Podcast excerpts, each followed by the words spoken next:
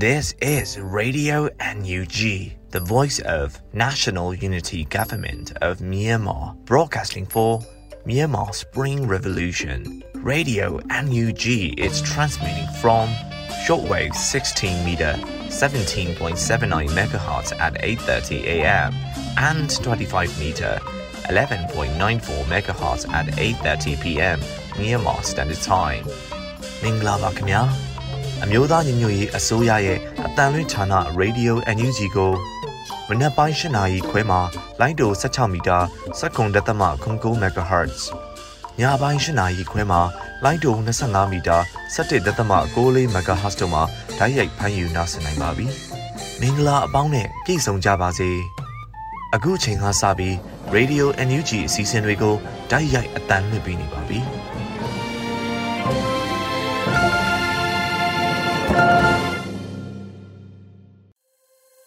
မင်္ဂလာအပေါင်းနဲ့ပြည့်စုံကြပါစေခင်ဗျာ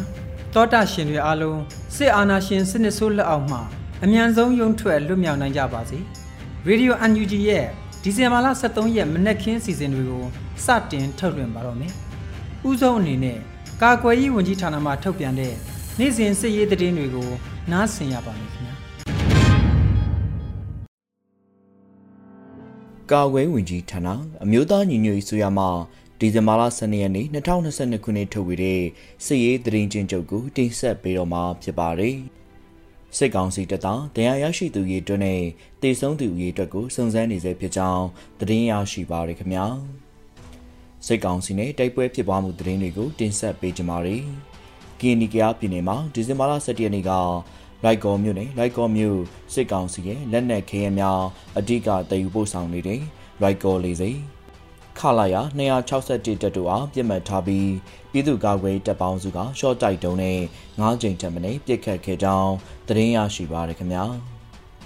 မွန်ပြည်နယ်မှာဒီဇင်ဘာလ10ရက်နေ့မနက်9:45မိနစ်ချိန်ခန့်ကကြိုက်ထိုမြို့နယ်မုတ်ပလင်ဘက်မှဆင်းလာတဲ့ပုံစံပြောင်း6ဘိန်းကား2စီးစစ်ကောင်စီကားကြီး3စီးအားကြိုက်ထိုဘက်မှဘီလင်းဘက်အဖြစ်တန်တတားဂိတ်တပြေးနီကျွော်ကျော်မှာဘီလင်းပါကဖကမိုင်းဆွဲတိုက်ခိုက်ခဲ့ကြောင်းသတင်းရရှိပါရခင်ဗျာ ဆက်လက်ပြီးစစ်ကောင်စီကကျူးလွန်တဲ့ရာဇဝမှုတွေကိုတင်ဆက်ပေးကြပါမယ်။ကရင်ပြည်နယ်မှာဒီဇင်ဘာလ17ရက်နေ့ည9:05မိနစ်အချိန်ခန့်ကကော့ဂရိတ်မြို့နယ်တရားကျိုးရှိစစ်ကောင်စီက87မမနဲ့ရန်တမ်းပစ်ခတ်ခဲ့တဲ့အတွက်ကြောင့်တောင်ကျိုင်းစေယုံနောက်ဘက်မှာ9လုံးနောင်တလာကျွော်ထိပ်မှာနှလုံးကြရောက်ပောက်ကွဲခဲ့ပြီးစေယုံနောက်ဘက်ရှိပြည်သူနေတလုံးမီးလောင်တောက်ခဲ့ကလူထိခိုက်မှုမရှိကြောင်းသတင်းရရှိပါရခင်ဗျာ။ ယခုတင်ဆက်သွားတဲ့သတင်းတွေကိုမြေပြင်သတင်းတာဝန်ခံများနဲ့သတင်းဌာနတွေမှာဖော်ပြလာတဲ့အချက်လက်တွေပေါ်အခြေခံပြုစုထားခြင်းဖြစ်ပါတယ်။ကျွန်တော်ကတော့ຫນွေဦးလင်ပါ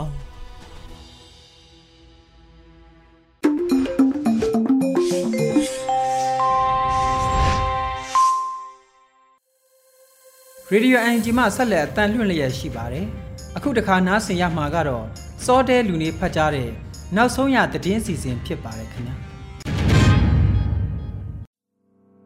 မင်္ဂလာပါအခုချိန်ရစားပြီးမနက်ပိုင်းပြည်တွင်းသတင်းများကိုစတင်တင်ပြပေးသွားပါမယ်ပထမအဆုံးအနေနဲ့စစ်အုပ်စုဆွဆွဲထားတဲ့ရဟတ်ရင်ကိစ္စမှာလှုပ်ထုံးလုံနေခြင်းအညီလှုပ်ဆောင်ခဲ့တာဖြစ်တယ်လို့ဒုတိယသမ္မတကထွက်ဆိုလိုက်တဲ့သတင်းဖြစ်ပါတယ်စစ်အုပ်စုက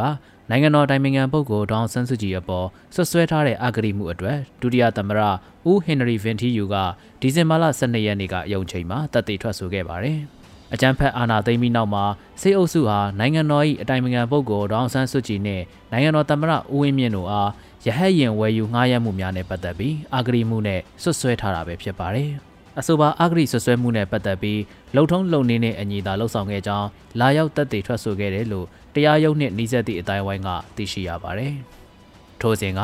ရဟတ်ရင်ဝယ်ယူငှားရမ်းမှုတွေမှာအဓိကတာဝန်ရှိတဲ့ အမျိုးသားတဘာဝဘေးရန်ရဲ့ဆိုင်ရာစီမံခန့်ခွဲမှုကော်မတီဥက္ကဋ္ဌကဒုတိယသမ္မတဦးဟင်နရီဘင်တီယူဖြစ်ပါတယ်။ဆွဆွဲခံရသူတွေဘက်ကတင်သွင်းတဲ့တက်တည်အဖြစ်နဲ့နေပြည်တော်ချုပ်ထောင်တွင်တရားခွင်ကိုဦးဟင်နရီဗင်တီယူကိုယ်တိုင်လာရောက်ထွက်ဆိုခဲ့တာဖြစ်ပါတယ်။2021ခုနှစ်စစ်အာဏာသိမ်းချိန်နိုင်ငံတော်အကြီးအကဲတွေကိုဖမ်းဆီးချုပ်နှောင်ခံခဲ့ရပေမဲ့ဦးဟင်နရီဗန်တီယူကတော့ဒုတိယသမ္မတယာဒူးနဲ့ဆက်ရှိနေပြီးဖမ်းဆီးတရားစွဲဆိုခံရတာမျိုးမရှိခဲ့ပါဘူး။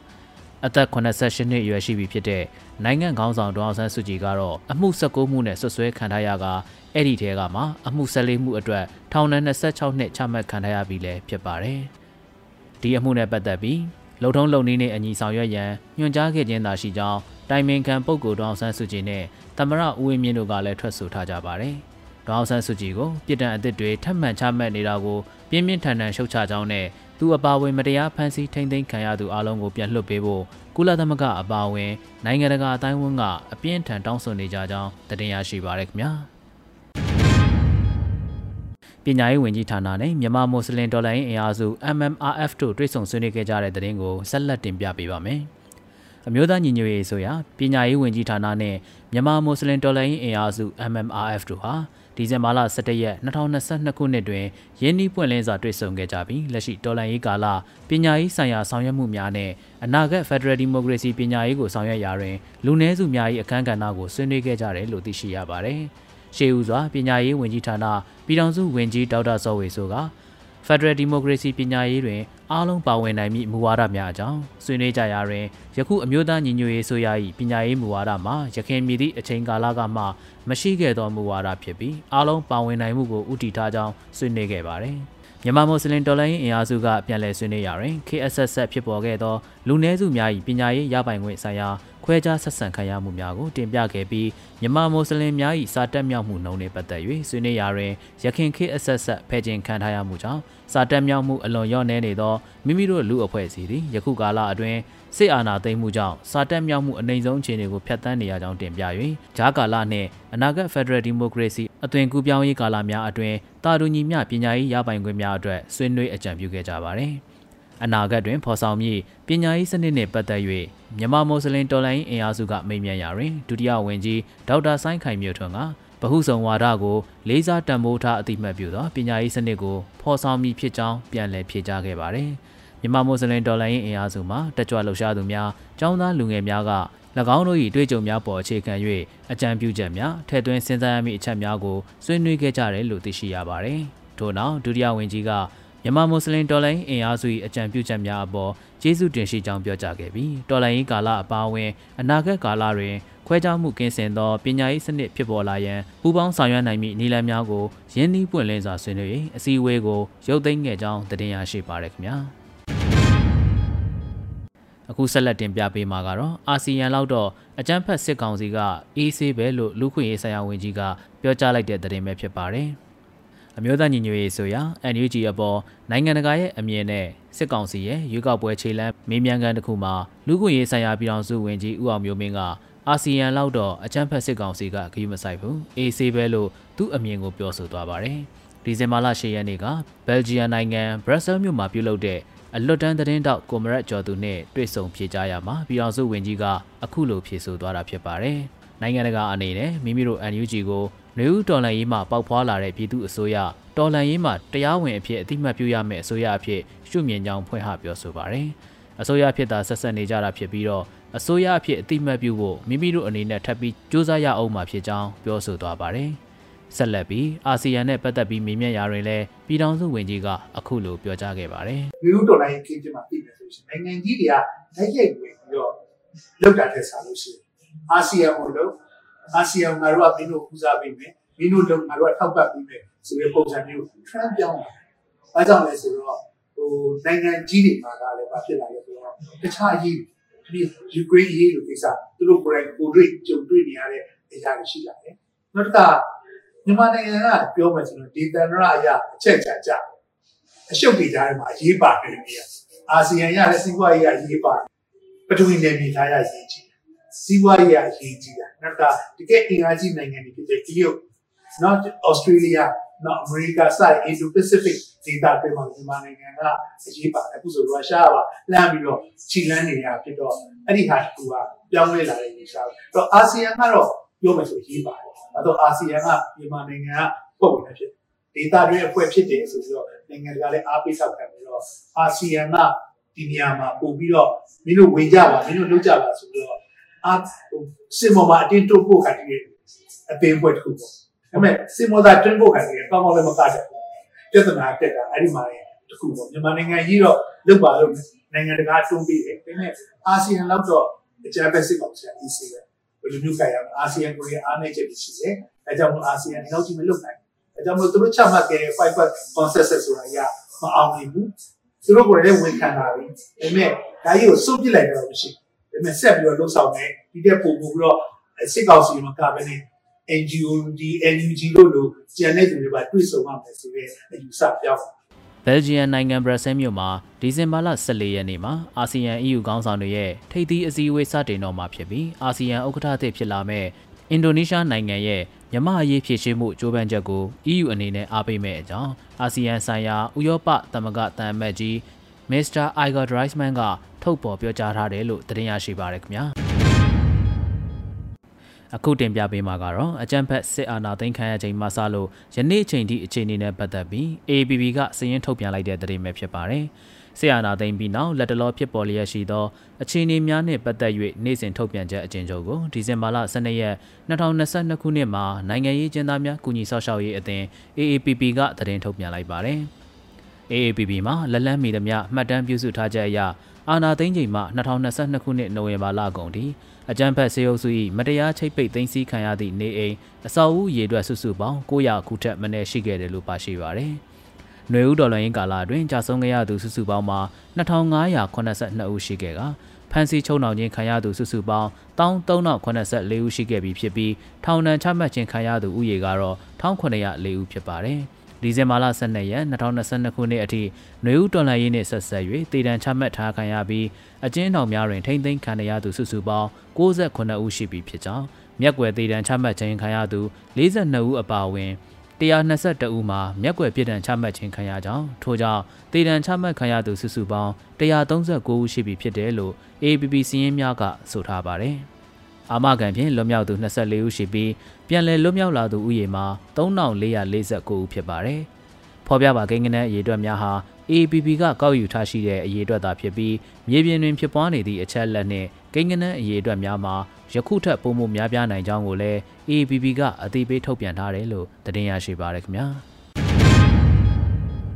PDF ကိုအားပေးရင်မီးလောင်ပြကြရွာမရှိတဲ့တိုင်းဒေသကြီးမှာနေရမယ်လို့စစ်ကောင်စီကအချိန်ချောက်ခဲ့တဲ့သတင်းကိုဆက်လက်တင်ပြပေးပါမယ်။စကိုင်းတိုင်းတပင်းမြို့နယ်အရှိချမ်းရှိမဲအိုးကျေးရွာကိုစစ်ကောင်စီတပ်များကဒီဇင်ဘာလ10ရက်နေ့17ရက်များတွင်မီးရှို့ဖျက်ဆီးခဲ့ရာနေအိမ်တရာနီးပါးမီးလောင်ဆုံးရှုံးခဲ့ပါတယ်။အဆိုပါစစ်ကောင်စီရဲ့မီးရှို့ဖျက်ဆီးမှုဖြစ်စဉ်မှာအဖိုးအတူလည်းမီးလောင်သိဆုံးခဲ့ကြောင်းဒေသခံများထံမှသိရှိရပါတယ်။မဲအိုးရွာမှာအဖိုးအတူမီးလောင်တဲ့အထက်ပါသွားတယ်လို့အကြံပြသိထားရပါတယ်။ အင်ဂျီတရာကျော်ရှိတာစက်အိမ်လောက်ပဲကြံပါတယ်ရွာလုံးကျွတ်နီးပါးမီးရှို့ဖျက်ဆီးသွားတယ်လို့ဒေသခံတအူးကပြောပြပါတယ်ဒါအပြင်မဲအိုကြီးရွာကိုမီးရှို့ခဲ့တဲ့စစ်ကောင်စီစစ်ကြောင်းဟာ PDF များကိုများများအားပေးစစ်ပေးသင့်လေပြများများကြလေရွာမရှိတဲ့တိုင်းဒေသကြီးမှာနေရမယ်ဆိုတဲ့ချင်းချောက်ထားတဲ့စာတမ်းတစ်ခုကိုလည်းရွာနီးရှိ white book တစ်ခုပေါ်တွင်လည်းရေးသားခဲ့ကြောင်းသိရှိရပါတယ်။ဒါအပြင်စစ်တပ်ကကြေးရွာတွေကိုဝင်ရောက်မိရှို့ချိန်မှာစစ်ကြောင်းနဲ့တွေ့ပြီးဖမ်းဆီးခံရတာတပ်ဖြတ်ခံရတာလည်းရှိခဲ့တယ်လို့တပင်းဒေတာခံတွေနဲ့တော်လိုင်းရင်အင်အားစုတွေကပြောကြားခဲ့ပါတယ်။တချို့ဒေတာခံတွေဆိုတပ်ဖြတ်ခံရပြီးမီးလောင်တဲ့အထဲပစ်ထားခဲ့တာရှိသလိုအချို့ကကြတော့မီးလောင်တဲ့အိမ်သားမှာပဲထားခဲ့တာတွေရှိပါတယ်။ တေဆုံးတာက3ဦးလောက်ရှိတယ်လို့တပင်းမြို့နယ်စစ်ဘေးရှောင်ထောက်ပံ့ရေးအဖွဲ့တာဝန်ရှိသူကပြောကြားခဲ့ပါတယ်။စစ်ကောင်စီတပ်များဟာတပရင်မြို့နယ်မှာတပြေသာကျေးရွာညောင်လှကျေးရွာများကိုလည်းမီးရှို့ဖျက်ဆီးခဲ့၍နေအိမ်200နီးပါးမီးလောင်ဆုံးရှုံးထားကြောင်းနဲ့တပရင်ညီနောင်များအဖွဲ့ကထုတ်ပြန်ထားရှိပါတယ်။ စစ်ကောင်စီတပ်တွေဟာဒီဇင်ဘာလတရက်နေ့မှစတင်ကတပင်းမြို့နယ်အတွင်းကြေးရွာများကိုဝင်ရောက်မိရှို့ခြင်းများဇက်တိုက်လှုပ်ဆောင်နေခဲ့ရမှဒီဇင်ဘာလ12ရက်နေ့အထိကြေးရွာပေါင်း20ကျော်ကိုမိရှို့ဖျက်ဆီးခဲ့ကြပြီးအင်ဂျီပေါင်းထောင်ကျော်မိလောင်ဆုံးရှုံးခဲ့ပြီဖြစ်ပါတယ်။တပင်းမြို့နယ်တဲ့စစ်ကြောင်းထိုးဝင်ရောက်ခဲ့ပြီးကြေးရွာတွေကိုမိရှို့ဖျက်ဆီးခဲ့သူတွေကစစ်ကောင်စီလက်အောက်ခံခမာယ901နဲ့ခမာယ364ကစစ်ကြောင်းတွေဖြစ်တယ်လို့တပင်းမြို့နယ်ညီနောင်များအဖွဲ့ကအသိပေးထုတ်ပြန်ထားကြောင်းတင်ပြရရှိပါရခင်ဗျာ။ မြမနွေဦးတက္ကသိုလ် MNOU တွင်တက်ရောက်နေသောကျောင်းသားကျောင်းသူများတို့ဖွင့်လှစ်မိ courses များကိုတက်ရောက်နိုင်ရေးအတွက်ပညာရေးဝန်ကြီးဌာနကနှိုးဆော်ချက်ထုတ်ပြန်လိုက်တဲ့သတင်းကိုတင်ပြပေးပါမယ်။အမျိုးသားညီညွတ်ရေးဆိုရပညာရေးဝန်ကြီးဌာနကမြမနွေဦးတက္ကသိုလ် MNOU တွင်တက်ရောက်နေသောကျောင်းသားကျောင်းသူများတို့ဒီဇင်ဘာလ12ရက်နေ့မှာအောက်ပါအတိုင်းအသိပေးထုတ်ပြန်ထားပါတယ်။ မြမြန်မာနွေဦး University မြန်မာနွေဦးတက္ကသိုလ် MNOU သည်အကြံဖက်ဆရာနာရှင်လက်အောက်ရှိတက္ကသိုလ်များ၌မတက်ရောက်ကြပဲ CDN ပြုလုပ်သောကျောင်းသားကျောင်းသူများအတွက်ရည်ရွယ်၍အမျိုးသားညီညွတ်ရေးဆိုရပညာရေးဝန်ကြီးဌာနကဖွင့်လှစ်သည်ယာယီတက္ကသိုလ်ကောင်စီများနှင့်ဘာသာရပ်ဘုတ်အဖွဲ့များမှစုပေါင်းတည်ထောင်ထားသောတခုတည်းသောပြည်သူပိုင်အွန်လိုင်းတက္ကသိုလ်ဖြစ်ပါသည်မြန်မာနွေဦးတက္ကသိုလ် MNOU သည်ယခုအခါ 2020တက်လက်စ second semester သာကျန်တဲ့နောက်ဆုံးနှစ်ကျောင်းသားကျောင်းသူများအတွက်ဝိဇာသိပ္ပံအထူးပြုဘာသာရပ်18ခုစီးပွားရေးဘာသာရပ်9ခုယဉ်ကျေးမှုနှင့်အမှုပညာဘာသာရပ်5ခုကိုပထမအကြိမ်ဖြင့်အတုပ်3တုပ်ခွဲ၍ကျောင်းအပ်လက်ခံခဲ့ပြီးယခုအခါ Learning Management System ၌သင်ခန်းစာများကိုလေ့လာသင်ယူနေကြပြီဖြစ်ပါတယ်။ သင်ခန်းစာလေ့လာရမယ့်ကာလအဖြစ်ပထမအသုတ်2022ခုနှစ်နိုဝင်ဘာလ22ရက်မှ2023ခုနှစ်ဖေဖော်ဝါရီလ21ရက်နေ့ထိဒုတိယအသုတ်ကို2022ခုနှစ်နိုဝင်ဘာလ29ရက်မှ2023ခုနှစ်ဖေဖော်ဝါရီလ28ရက်ထိတတိယအသုတ်ကို2022ခုနှစ်ဒီဇင်ဘာလ6ရက်နေ့မှ2023ခုနှစ်မတ်လ6ရက်နေ့ထိလေ့လာနိုင်ပြီဖြစ်ပြီးသတ်မှတ်ထားသောစာမေးပွဲများ test များ assignment များကို LMS ထဲတွင်ဖြည့်ဆို့ကြရမည်ဖြစ်ပါသည်။ ဖြည့်ဆို့ပြီးရရှိလာသည့်အမှတ်များ credit point များကိုမြမနယ်ဦးတက္ကသိုလ် MNOU ကတင်ဆက်ပေးထားမှာဖြစ်ပြီးတော်လန်ရေးကာလလွန်မြောက်ပါကသက်ဆိုင်ရာတက္ကသိုလ်များမှပွဲများပေးအပ်ရာတွင်ထိုအမှတ်များ credit များကိုအသုံးပြုနိုင်ရန်တက္ကသိုလ်ကောင်စီများနှင့်ညှိနှိုင်းဆောင်ရွက်ပေးသွားမည်ဖြစ်ပါသည်။ဂျားကာလတွင်လိုအပ်ပါကအသုံးပြုနိုင်ရင်လည်းစီစဉ်လျက်ရှိပါသည်။ဒုတိယအကြိမ်ဖြစ်ပထမအကြိမ်ကဖွင့်လှစ်ခဲ့သည့်အထူးပြုဘာသာရပ်များအပြင်ထပ်တိုးအထူးပြုဘာသာရပ်များစိုက်ပျိုးရေးပညာဘာသာရပ်များတရိတ်ဆန်ဆေးပညာဘာသာရပ်များ ဖွင့်လှစ်သင်ကြားသွားမည်ဖြစ်သည့်အပြင်ကြန့်ရှိသည့်အခြားသောအထူးပြုဘာသာရပ်များတမွေးဘာသာရပ်များနှင့်နောက်ဆုံးနှစ်အတန်းများသာမကဘဲကြန့်ရှိနေသောတတိယနှစ်ဒုတိယနှစ်ပထမနှစ်စသည့်အတန်းများကိုပါအထူးပြုဘာသာရပ်များအလိုက်ဖွင့်လှစ်နိုင်ရန်ပြင်ဆင်ဆောင်ရွက်လျက်ရှိပါသည်ထို့အပြင်တက္ကသိုလ်ဝန်ထမ်းအောင်မြင်ထားသည့်ကျောင်းသားကျောင်းသူများနှင့်အခြေခံပညာပြီးဆုံးထားသည့်ကျောင်းသားကျောင်းသူများအတွက် core curriculum courses များပညာလိုသူအားလုံးအတွက် short courses များကို ဖွင့်လှစ်ပို့ချသွားနိုင်ရန်လည်းစီစဉ်ဆောင်ရွက်လျက်ရှိပါသည်တို့ဖြစ်ပါ၍ CDM ကျောင်းသားကျောင်းသူများအနေဖြင့်အမျိုးသားညီညွတ်ရေးအစိုးရပညာရေးဝန်ကြီးဌာနကဖွင့်လှစ်သည့်ယာယီတက္ကသိုလ်ကောင်စီများနှင့်ဘာသာရပ်ပုတ်ဖွဲ့များကစုပေါင်းတည်ထောင်ထားသောတခုတည်းသောပြည်သူပိုင်အွန်လိုင်းတက္ကသိုလ်မြမနွေဦး University မြမနွေဦးတက္ကသိုလ် MNOU ကဖွင့်လှစ်မည့် courses များကိုတက်ရောက်နိုင်ရန်အတွက် MES system LMS system များကြိုတင်လေ့လာရင်းစောင့်မျှော်ပေးကြရန်တိုက်တွန်းအပ်ပါတယ်လို့ဖော်ပြထားကြောင်းတင်ပြရရှိပါရခင်ဗျာ။ ယခုတင်ပြခဲ့တဲ့သတင်းတွေကိုတော့ဝင်ကြီးဌာနများနဲ့ခိုင်လုံသောသတင်းအရင်းမြစ်တွေပေါ်အခြေခံပြီးရေဒီယိုသတင်းတော့လွတ်လပ်နေဦးကပေးပို့ထားတာပဲဖြစ်ပါတယ်ကျွန်တော်စောတဲလူနေပါ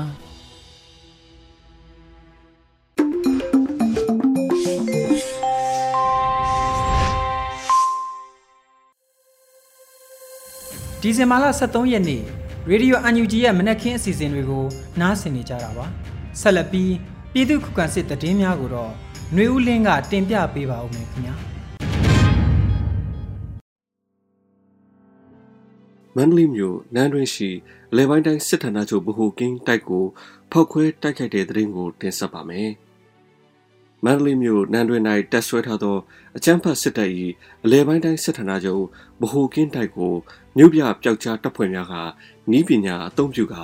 ဖောက်ခွဲတိုက်ခိုက်ခဲ့ကြောင်းသိရပါဗျ။ ဒီဇင်ဘာလ3ရက်နေ့နနက်ပိုင်းမန္တလေးနန်းတွင်တိုင်းစစ်ဌာနချုပ်ဗဟိုကင်းကိုမြို့ပြပျောက်ကြားတပ်ဖွဲ့များကနီးပညာမြင့်တိုက်ခတ်ရေးပစ္စည်း၃ခုဖြင့်ပူးပေါင်းတိုက်ခတ်ခဲ့ပြီးအကြမ်းဖက်စစ်ကောင်စီတပ်ဖွဲ့များထိခိုက်ဒေဆုံးနိုင်ပြီးအဆောက်အဦများလည်းပျက်စီးသွားကြောင်းသိရပါတယ်။အကြမ်းဖက်စစ်ကောင်စီကတရင်မပေါက်ကြားစဉ်ဖုံးဖိမှုများလှုပ်ဆောင်လျက်ရှိကြောင်းလည်းသိရပါတယ်။ကလေး30နဲ့မြောင်တို့တွင်တိုက်ပွဲဖြစ်ပွားပြီး စစ်သား၈ဦးသေဆုံးတဲ့တဲ့ရင်ကိုဆက်လက်တင်ဆက်ပါမယ်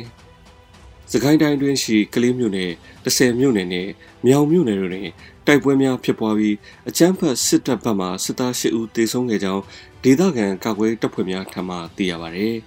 ။ကလေးတွင်မြောင်စီရဲစခန်းမှထွက်လာသောစစ်သားများကို တိုက်ခိုက်မှု၃ဦးသေဆုံး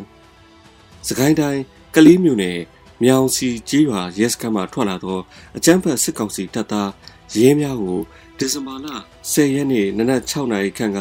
ခြုံခိုတိုက်ခတ်ခဲ့ရာ3ဦးသေဆုံးပြီး3ဦးအပြင်းထန်ဒဏ်ရာရှိခဲ့ကြောင်း CDF KKG ထံမှသိရပါတယ်။အဆိုပါတိုက်ခိုက်မှုကို Chinland Defense Force ကလေးကဘောခန့်ကောတပ်ဖွဲ့ဝင်များမှတိုက်ခိုက်ခဲ့ခြင်းဖြစ်ပြီးတိုက်ခိုက်ခံရမှုကြောင့်တေဆုံးဒဏ်ရရှိသူများနဲ့အတူစခန်းတွင်ပြန်ဆုတ်သွားပြီးနောက်တပ်ကူများနဲ့ထပ်မံရောက်ရှိလာရာ မိနစ်20ခန့်အပြန်အလှန်တိုက်ပွဲဖြစ်ပွားခဲ့ကြောင်းသိရပါတယ်။ရင်းတိုက်ခတ်မှုအတွင်း CDF KKG မှရဲဘော်များထိခိုက်မရှိဘဲအကြမ်းဖက်စစ်ကောင်စီတပ်သားများကိုအခြေပြုရာဒေသနဲ့လှုပ်ရှား area များ၌တပ်စုတပ်ခွဲတပ်ရင်းများအလိုက်တိုက်ခိုက်ချေမှုန်းသွားမည်ဖြစ်ကြောင်း CDF KKG ကထုတ်ပြန်ထားပါတယ်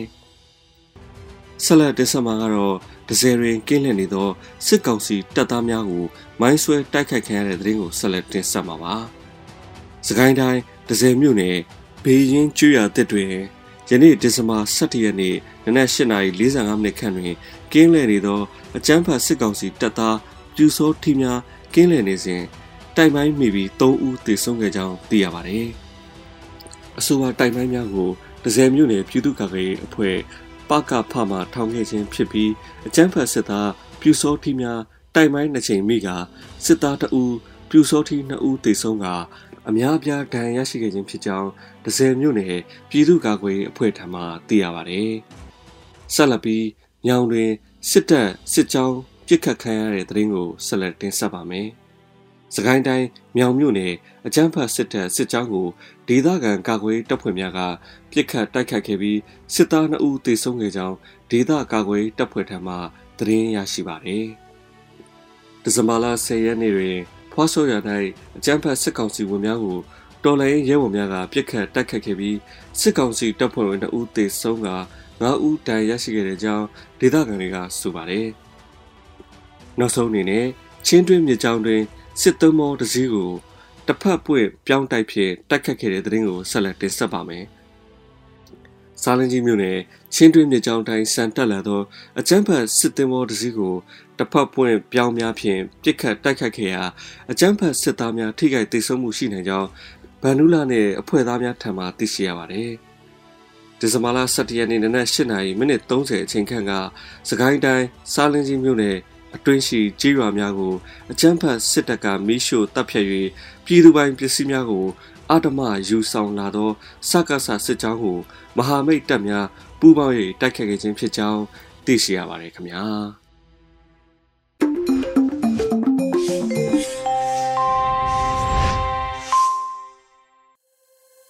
စစ်အာဏာရှင်စနစ်ဆိုးကိုတွန်းလှန်နေတဲ့ပြည်သူခုခံစစ်တည်င်းများကို နားဆင်လို့အပြီးမှာတော့အခုတဖန် PVTV နေ့စဉ်တည်င်းတွေကိုထက်ထက်အိန္ဒြာအောင်က တင်ပြပေးပါဦးမယ်ခင်ဗျာ အခုချိန်ကစပြီး PVTV သတင်းတွေကိုတင်ဆက်ပေးတော့မှာပါကျွန်မထက်ထက်အိန္ဒြာအောင်ပါ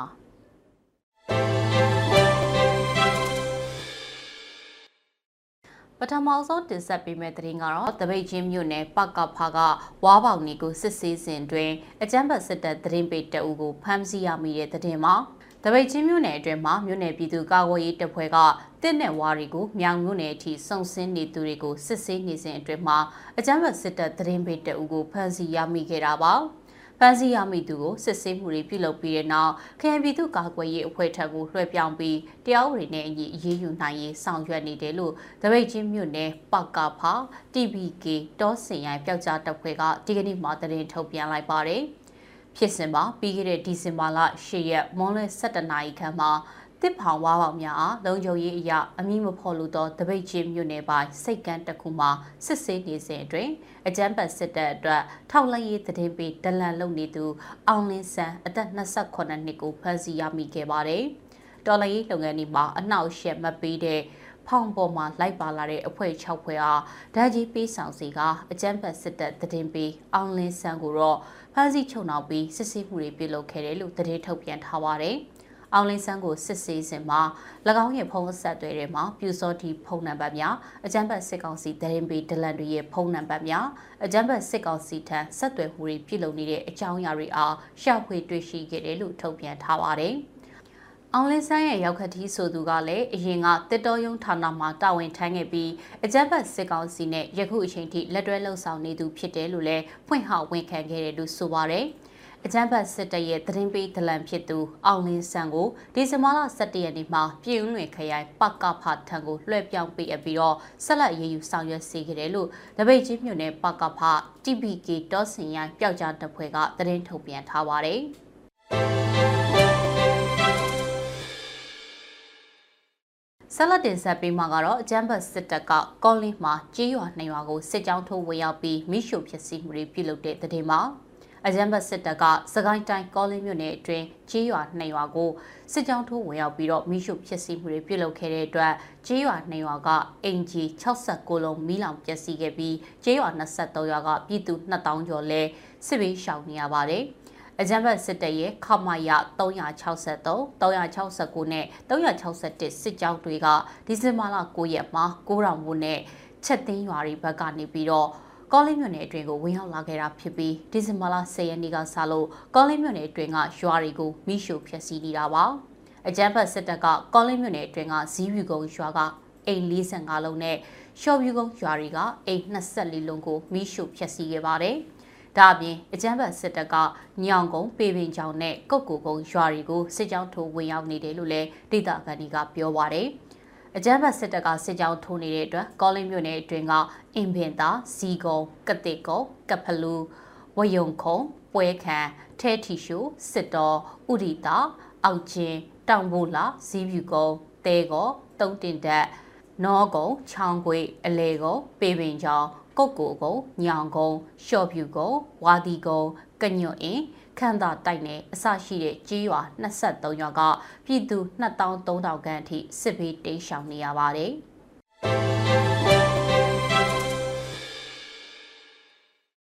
ဆရာတင်ဆက်ပေးမှာကတော့ပိုးပြည်သူတွေအနေနဲ့ဆရာနာရှင်အမြင့်ပြည့်ချီမုံရေးအတွက်တိုက်ပွဲဝင်ကြဖို့ပိုးမျိုးသားဖက်ဒရယ်ကောင်စီတိုက်တွန်းလိုက်တဲ့တဲ့မှာ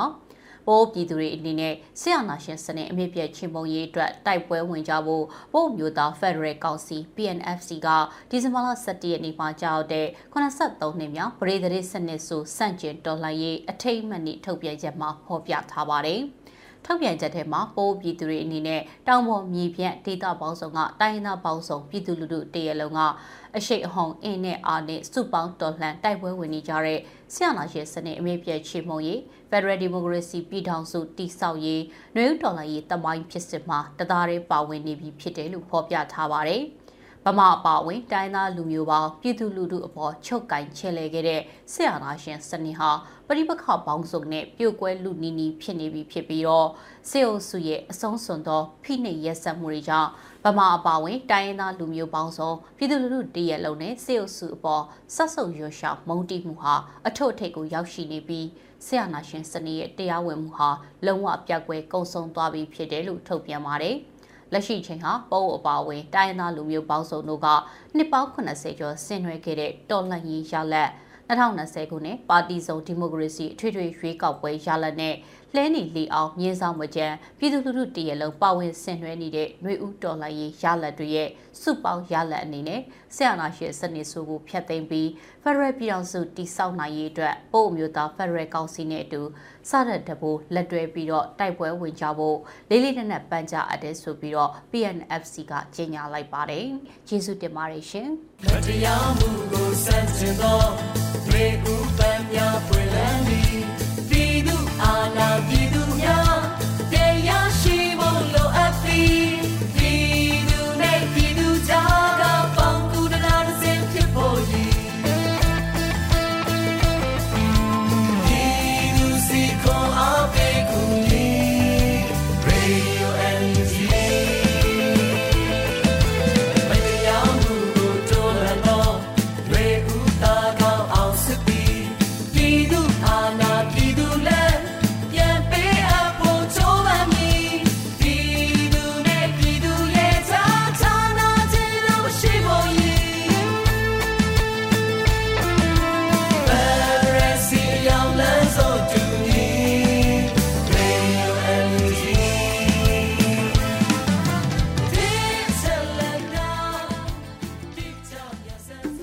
ကတော့ဒီညနေပဲ Radio NUG ရဲ့အစည်းအဝေးတွေကိုခਿੱတရနာလိုက်ပါမယ်။မြန်မာစံတော်ချိန်မနက်၈နာရီခွဲနဲ့ည၈နာရီခွဲအချိန်တွေမှာပြန်လည်ဆုံးဖြတ်ကြပါစို့။ Radio NUG ကိုမနက်ပိုင်း၈နာရီခွဲမှာလိုင်းဒို16မီတာစက္ကန့်တသမ9 MHz ညပိုင်း၈နာရီခွဲမှာလိုင်းဒို25မီတာ17သမ6 MHz တို့မှာဓာတ်ရိုက်ဖမ်းယူနားဆင်နိုင်ပါပြီ။မြန်မာနိုင်ငံသူနိုင်ငံသားများကိုစိတ်နှပြချမ်းမာချမ်းသာလို့ဘေးကင်းလုံခြုံကြပါစေလို့ Radio NUG အဖွဲ့သူအဖွဲ့သားများကဆုတောင်းလိုက်ရပါတယ်။အမျိုးသားညီညွတ်ရေးအစိုးရရဲ့စက်သွေးရေးတရင်အချက်အလက်နဲ့ဤပညာဝန်ကြီးဌာနကထုတ်လွှင့်နေတဲ့ Radio NUG ဖြစ်ပါတယ်။ San Francisco Bay Area အခြေစိုက်မြန်မာမိသားစုများနဲ့နိုင်ငံတကာကစေတနာရှင်များလှုပ်အားပေးများရဲ့ Radio NUG ဖြစ်ပါတယ်